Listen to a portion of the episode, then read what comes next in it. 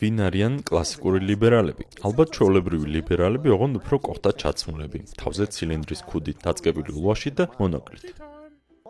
ზოგ შემთხვევაში შეიძლება ასეც იყოს, თუმცა განსხვავება დიდია და ვეცდები 2 წუთში დაგარწმუნოთ, რომ შენშიც არის კლასიკური ლიბერალი. კლასიკური ლიბერალიზმი იდეაა, რის მიხედვითაც ადამიანებისთვის ინდივიდუალური თავისუფლება და შეზღუდული მთავრობა თავისუფალი საზოგადოების შესაქმნელად საუკეთესო გზაა.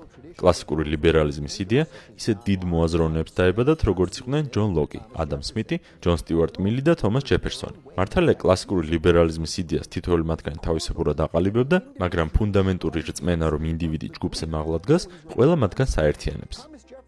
თომას ჯეფერსონმა ბედნიერების ძიების უფლება კონსტიტუციაშიც კი ჩაწერა, რათა ეთქვა, რომ შენი ბედნიერება მთავრობის მოსაცემი კი არა, შენი მოსაპოვებელია. ინდივიდის ჯგუფზე მაღლა დაყენება არა მხოლოდ აძლიერებს ინდივიდს საკუთარი ცხოვრების ცხოვრებისას, არამედ ის ანეიტრალებს რასისტულ და სხვა ფანატიკურ ძალებს, რომლებიც ადამიანებს არა მათი ინდივიდუალიზმით, არამედ მათი შეუცვლელი სახასიათო ნიშნებით განსჯის, ისეთ ნიშნებით, როგორიცაა კანის ფერი, გენდერი ან სექსუალური გემოვნება. დღესდღეობით ლიბერალიზმი მემარცხენეობაში ან პროგრესივიზმში ეშლებათ, რომლებსაც სინამდვილეში საერთოდ არაფერი ესაქმებათ კლასიკურ ლიბერალიზმთან. სამწუხაროდ მემარცხენეებს ლიბერალური აღარაფერი შეერჩათ, რადგან მათ ინდივიდუალიზმი კოლექტივიზმში გაცოლეს და შესაბამისად ჩაგრულთა ოლიმპიადაში ჩაგვდეს, სადაც მსხვერპლად ყოფნა გამარჯვებას უდრის.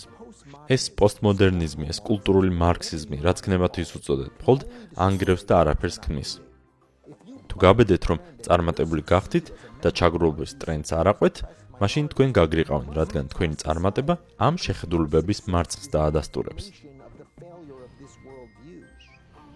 ამას გთავაზობენ მემარცხენეები. ეს კი კლასიკურად ლიბერალური კი არა, რადიკალურად ანტილიბერალურია.